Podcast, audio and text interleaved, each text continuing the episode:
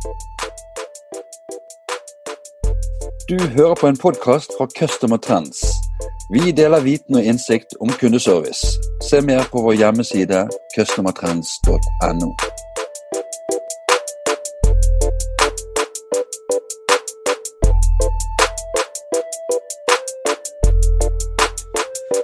Hei, eh, og velkommen til en ny eh, kundeservice-podkast. Mitt navn er Bjarte Lysand fra Customer Trends.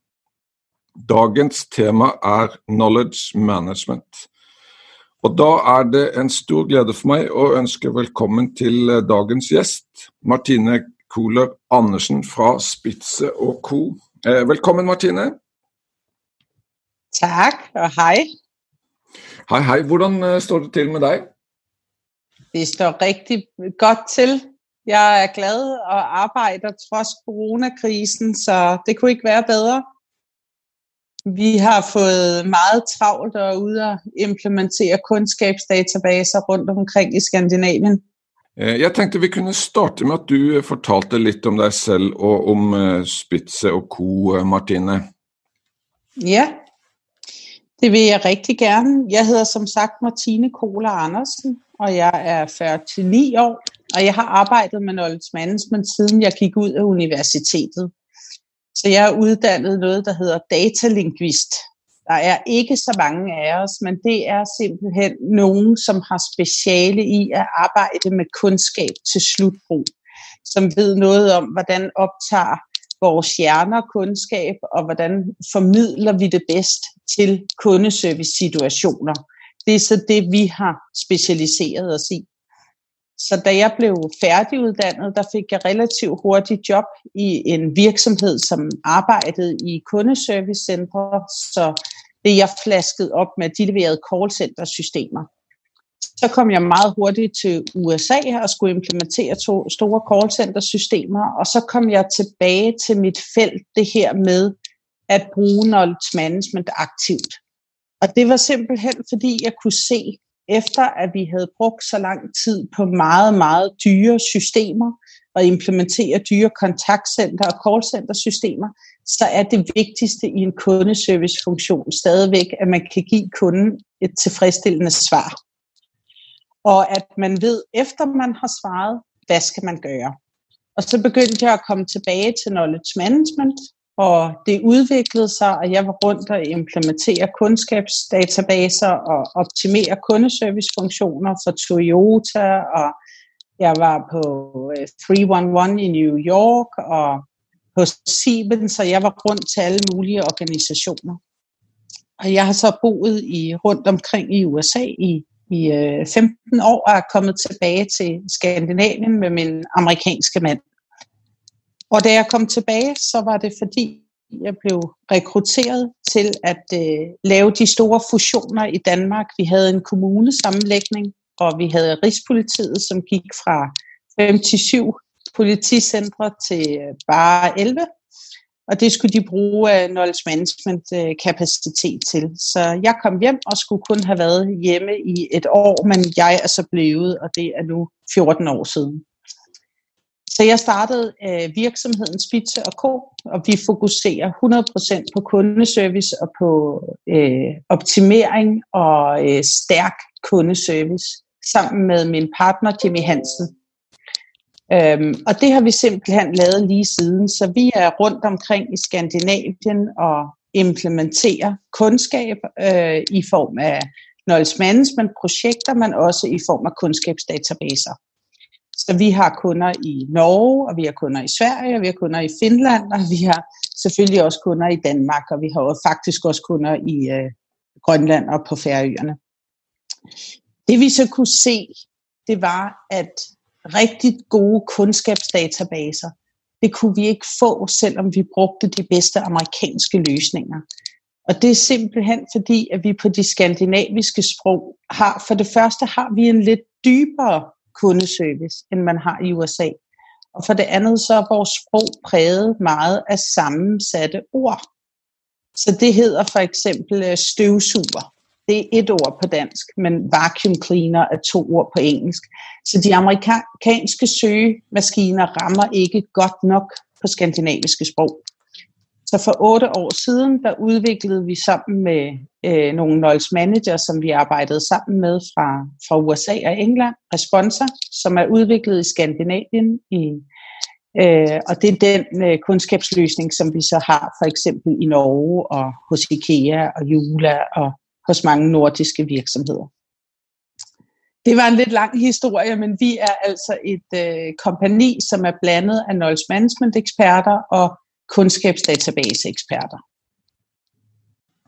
Martine, dagens tema er knowledge management. Så mitt første spørgsmål lyder, hva er eh, knowledge og knowledge management?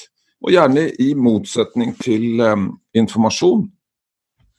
Det er et rigtig godt spørgsmål, Bjarte, og jeg er glad for, at du stiller det, fordi det er faktisk noget, vi næsten føler, vi er i krig med for kundeservice på daglig basis. man kan sige, man har tre niveauer. Man har data, man har information, og man har knowledge management. Og data, det er data, som vi kender det. Det er ligesom døde tal i et system, som ikke giver nogen mening, når det er i isoleret set. Information, det er det, vi kender mest om. Det er generel information om noget, om covid-19, corona, om øh, et produkt, om hvordan man køber ind i, i, øh, i Jula eller IKEA. Det er sådan generel information. Og knowledge management, det er information placeret i en kontekst, hvor det giver mening og hvor det er handlingsorienteret. Så knowledge management, det er det, vi skal bruge til et kundecenter. Vi skal bruge svar på, hvad vi kan svare kunden, om det er på mail, chat eller telefon, og så skal vi bruge en anvisning til, en instruktion til, hvad skal vi gøre, hvis der er noget, vi skal gøre. Vi skal ikke bruge information om alt muligt. Altså kunderne ringer ikke og spørger, må jeg høre om alle jeres græsslåmaskiner, må jeg høre om alle jeres øh, varmepumper de ringer og spørger, hvilken varmepumpe vil passe godt til mit hus af denne her type. Ja. Så, så, og, og meget, meget ofte i kundecentre, så får kundeservice desværre bare et intranet med en masse information. Det kan man ikke bruge. Man er nødt til at have knowledge, altså kundskab, der passer til konteksten. Og man kan du sige... Har du et uh, eksempel? Ja, der har et eksempel. Altså lige nu er jeg lige øh, kommet hjem fra, fra Norge, en tur i Norge og Sverige, hvor jeg har arbejdet med øh, for eksempel Jula. Og de er jo meget ramt, ligesom os alle sammen, af coronasituationen. Der er ting, de må, og der er ting, de ikke må i varehusene og i kundeservice i øvrigt. Og de har kundskabsdatabase i Jula, og i Jula internt, jamen der, de, har, de har ikke længere brug for at vide, hvad er covid-19, hvad er symptomerne, og at de skal vaske hænder og alle de her ting. Det har de forstået, og det er en masse information. De har brug for at vide, hvordan skal jeg forholde mig, når jeg kommer på arbejde? Hvor tæt må jeg være på mine kollegaer? Hvad tid skal jeg spise frokost, fordi vi nu er delt op? Tilsvarende, når kunderne er i, øh, vil gerne vil handle i varehusene i Jula, så spørger de heller ikke om, hvad er covid-19, og har I tænkt over det i varehusene? De har brug for at vide, kan jeg gå ned og handle på normal vis? Og hvis ikke jeg kan, hvad er det så, jeg skal gøre? Så der er det for eksempel, der står sprit ved indgangen, og sprit ved udgangen, og sprit ved alle de store produktkategorier. Der må kun være 60 mennesker i varehuset, så der står en vagt, og der kan være ventetid. Altså det er sådan nogle ting. Det er knowledge, det er kundskab. Svar på konkrete spørgsmål.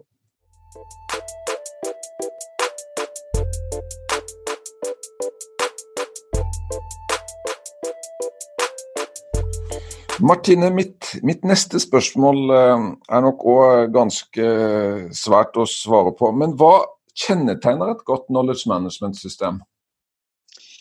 Ja, det kan man sige. Det, et, et godt knowledge management system, det er et system, som på en let og intuitiv måde understøtter det, knowledge management handler om.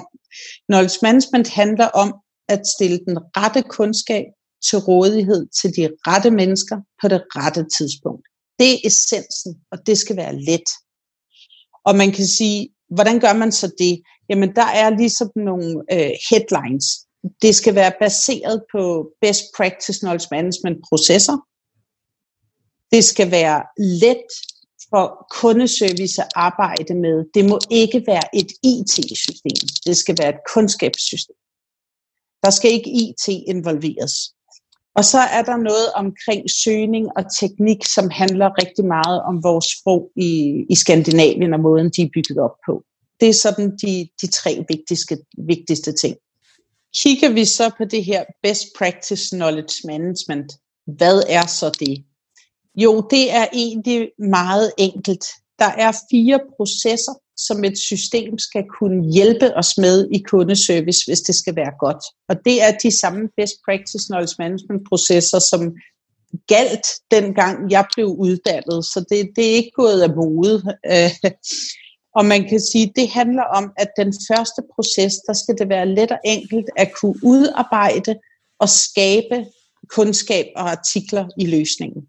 Når man så har udarbejdet sin viden, så skal man kunne forvalte den. Så skal man for eksempel, og det er fase 2, så skal man for eksempel kunne sige, jamen denne her øh, artikel, den skal vedligeholdes af Maria, og øh, den skal automatisk udløbe om to måneder, for den handler om julevarer øh, og så videre. Den skal, øh, den skal, man skal kunne abonnere på den og alle sådan nogle ting. Så nu har vi altså i fase 1 udarbejdet vores viden, i fase 2 forvaltet, i fase 3 der er vi klar til at distribuere den.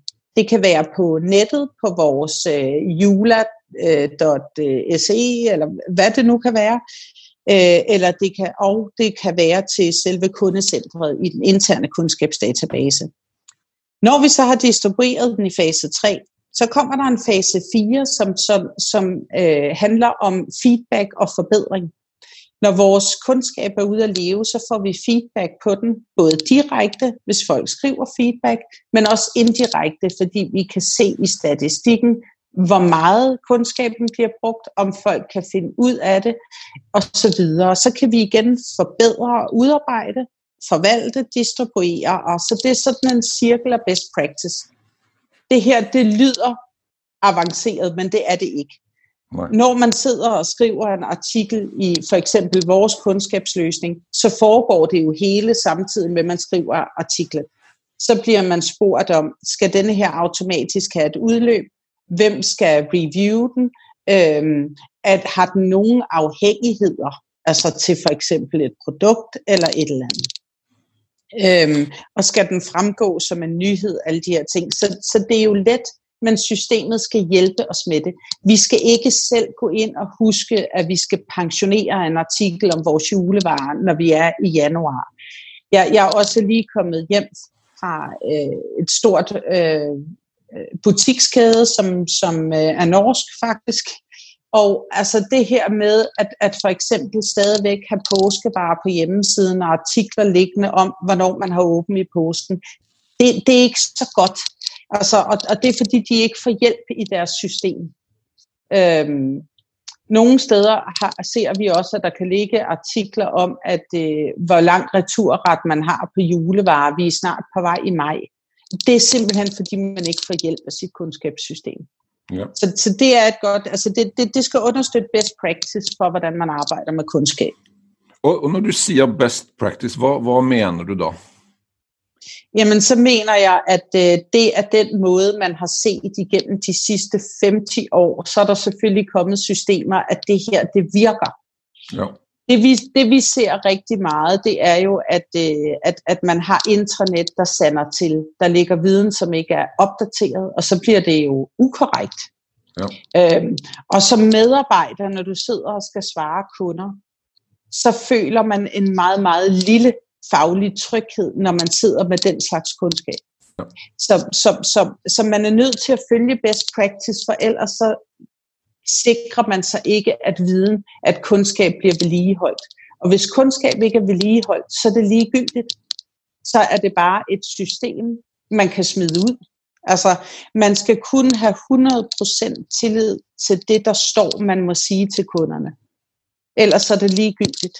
Så de her intranet, hvor halvdelen er uopdateret, glem det, det kan simpelthen ikke bruges. Det, det, det, er i hvert fald ikke, det er i hvert fald ikke øh, effektivt, at der ikke cost benefit på det. Så best practice, det er simpelthen en metodik, kan man sige, som man har arbejdet med i rigtig mange år. Og jeg har set, at der kommer lidt forskellige varianter en gang hver femte år, men i en alder af 49 kan jeg også sige, den havner altid tilbage på de her fire processer. Det, det er simpelthen det, der fungerer. Ikke? At, altså, jeg har implementeret over 100, ja, over 200 kundskabsprojekter nu, og det der, det virker i al sin enkelhed. Du, du var inne på dette med, med språk og nevnte disse her gigantiske amerikanske søkesystemene. Ja. Kan du ikke fortelle lidt mere ja. om, om forskellen på nordisk og, og engelsk? Ja, der er meget stor forskel faktisk, selvom at, at vi, vi er så smeltet sammen i dag, og vi bruger så mange engelske ord, og vi er så, så tæt på USA og England. Men grundstammen i vores skandinaviske sprog er meget anderledes, og det er jo her datalingvistikken kommer ind. Altså det her med sammensatte ord, det er det største problem i søgemaskiner. Så hvis man for eksempel øh, på dansk og norsk har barnhakke, Øh, det er to ord på engelsk. Så den, den kan ikke finde ud af at søge ordentligt de amerikanske løsninger. De kan ikke kalibrere godt nok. De kan ikke skille sprogstammen ad. Og det bliver de nødt til for at kunne søge rigtigt. Så for eksempel i Danmark hedder det børnepasning. Det her med pas, det bruger vi også ligesom passport. Så får man resultater på pas. Altså, hvis man søger på noget med pasning af børn. Altså, så det, det er sådan nogle problemer, og det, det var vi trætte af. Der findes rigtig mange gode amerikanske løsninger, det er slet ikke det. Men lige det der med sprog, det brugte vi så meget tid til at hjælpe kunderne med, og sådan en virksomhed som, som øh, et stort teleselskab, vi også arbejder for, som er nordisk, de havde fire udviklere til at sidde hele tiden og optimere på det der med sprog. Og det er slet ikke nødvendigt, fordi altså, de, de skandinaviske sprog opfører sig ens på nær finsk. Så, så man kan sagtens øh, bygge en, øh, altså en, en ordbog, som, som søgealgoritmen kører på. Og vi kører også på øh, amerikanske søgealgoritmer, Solar, ligesom Amazon kører på. Vi har bare tvunget dem til at forstå skandinavisk.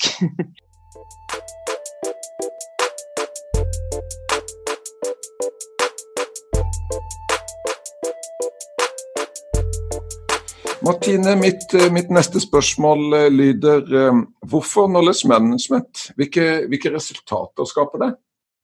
Og det er det rigtig gode spørgsmål, Bjarte, for det, det spørgsmål elsker jeg. Det, det, det skaber meget stærke resultater. Det er derfor, jeg er så fascineret og passioneret omkring det. Øhm, og man kan sige, at der, der er ligesom nogle kategorier. Det giver jo rigtig mange gevinster, men hvis jeg skal fremhæve nogle af de vigtigste, så er det jo bedre kundetilfredshed. Og det er fordi, når du kan svare kunderne godt og hurtigt, både i kundecentret og på nettet, så bliver de mere tilfredse. Ja. Så er der medarbejdertilfredshed, som er rigtig vigtigt. Når medarbejderne har en faglig tryghed og ved, at de altid kan stole på, at hvis de siger og gør det, der står i kundskabsdatabasen, så er de home safe, og så har de gjort det godt. Kæmpe gevinst også. Så er der selvfølgelig noget om effektivitet og produktivitet, og det er nok her, de største driver ligger. Øhm, det, der, der, der ser vi jo både, at, at man øh, nedsætter kraftigt onboarding-tid, og det er fra et, et stort øh, svensk varehus, som sælger møbler, som mange af os nok kender, altså fra tre måneder til en uge, før de bliver sluppet løs på telefonerne. Ja, for der snakker øhm, vi om, der snakker vi om uh, tiden det tar fra en medarbejder uh, starter til uh, vedkommende kan sitte og betjene kunder selvstændigt på telefon. Ja, Ja. Og, og, og, og, og, og med fuld tilfredsstillelse. Altså ikke med en ved siden af på medlyt, Nej. og ikke med kun et lille område. Fuldblåen. Altså i, i den danske skattestyrelse, der gik vi for to måneder og en uge til en måned og to dage, eller til en uge og to dage øh, før at de kunne klare sig og betjene. Så det er, der er meget store forskelle i forhold til onboarding, men ikke kun onboarding, også fleksibilitet på tværs af de teams, man har. Så man kan godt sidde og, øh, hvad det hedder, øh, man kan godt sidde og arbejde med et område og være rigtig dygtig til det, men hvis der er mere tryk på og høj peak på et af de andre områder, så kan man hurtigt gå derover og hjælpe. Det er, er en gevinst. Og så kan man sige det her med first time resolution, altså det, at straksafklaringsgraden typisk bliver 40% højere, det er også en stor gevinst. Average handling time, altså den gennemsnitlige samtaletid, den ryger ned, øh, og, og mængden af genkald øh, og, og, og, og kontakter på forskellige kanaler, altså først har folk ringet, så chatter de, så mailer de, den falder også. Så, så der, ligger jo, øh, der ligger jo rigtig meget ROI, og så kan jeg sige, at der er også mange, som bruger det til at hjælpe med at uh, sælge mere og krydssælge, altså mere salg og krydssalg. Men kan du sige noget om, øh, om tiden det tager, før man, før man tjener hjem igen, altså investeringen i, i system og implementering? Nogle gange er den jo meget hurtig, og, ja. og, og man kan sige, altså den, den, vi nogensinde har prøvet, det tog længst tid, og det var fordi kundskabsprojektet var meget stort. De, det var en fusion, og de havde simpelthen ikke kundskaben. At der, der, der tog det næsten et år før at return on investment derhjemme, men typisk er vi på 3 til seks måneder. Og så er den jo mere end tjent hjemme. Ja. Altså, de, de, de, det, det, altså sådan et, øh, et godt system her, det koster jo typisk ikke mere end en medarbejder. Nej. Og vi ser jo meget ofte, når vi har været igennem et projekt, at så bliver der frigivet rigtig mange ressourcer.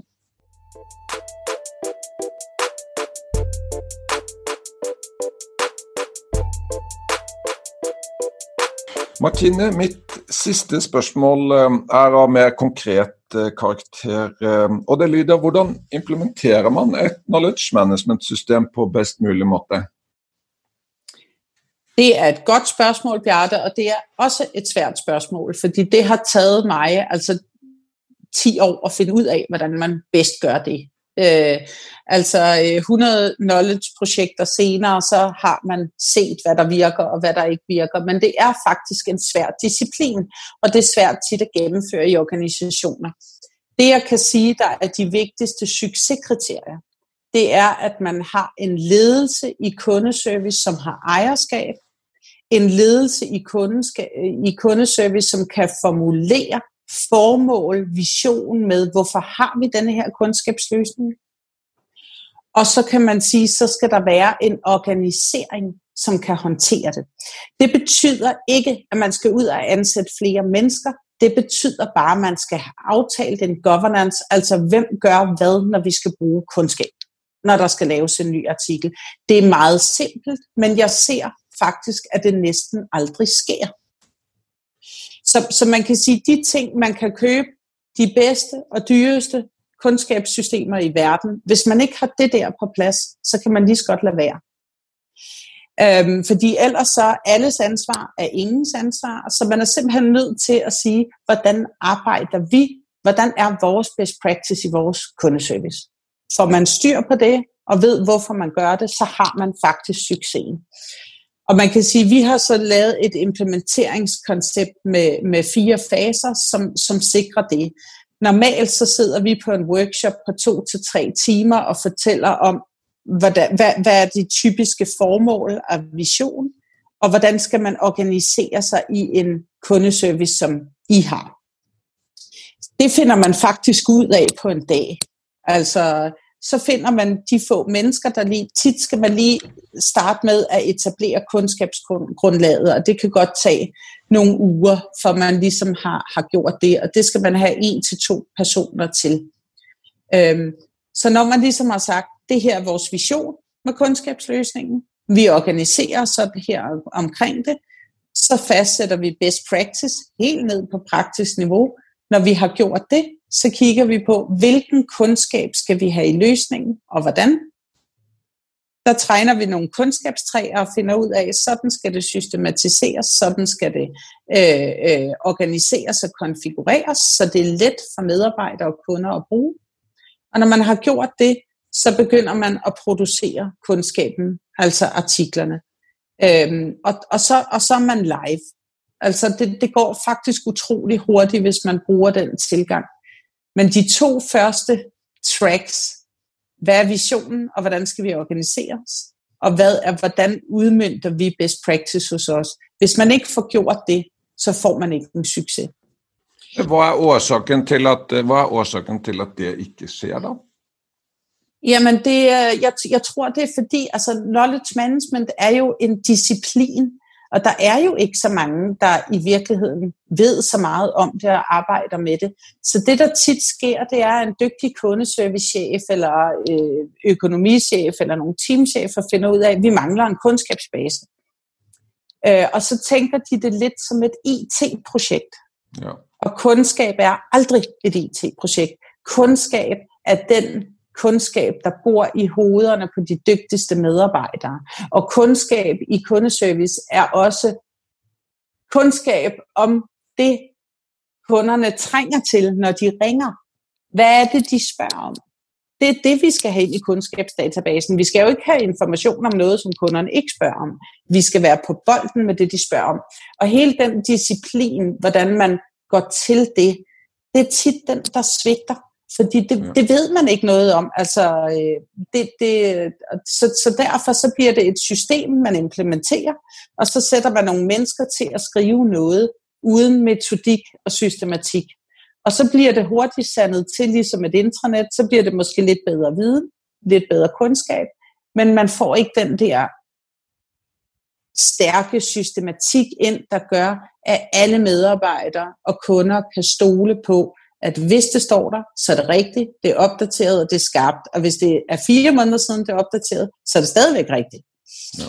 Så, så, så, så hele den der, det, det er simpelthen, altså der skal man bruge en, en, øh, en metodik for at implementere det. Det er faktisk min erfaring. Ellers går det hen og bliver et IT-projekt.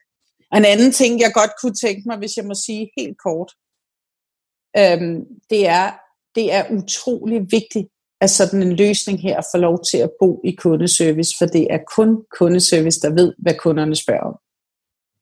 Ja, fantastisk eh, afslutning.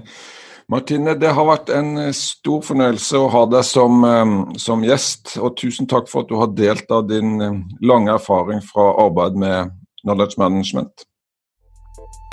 Det var så lidt. Det var også en fornøjelse for mig. Ha en eh, fin dag. I lige måde. Ha' det godt.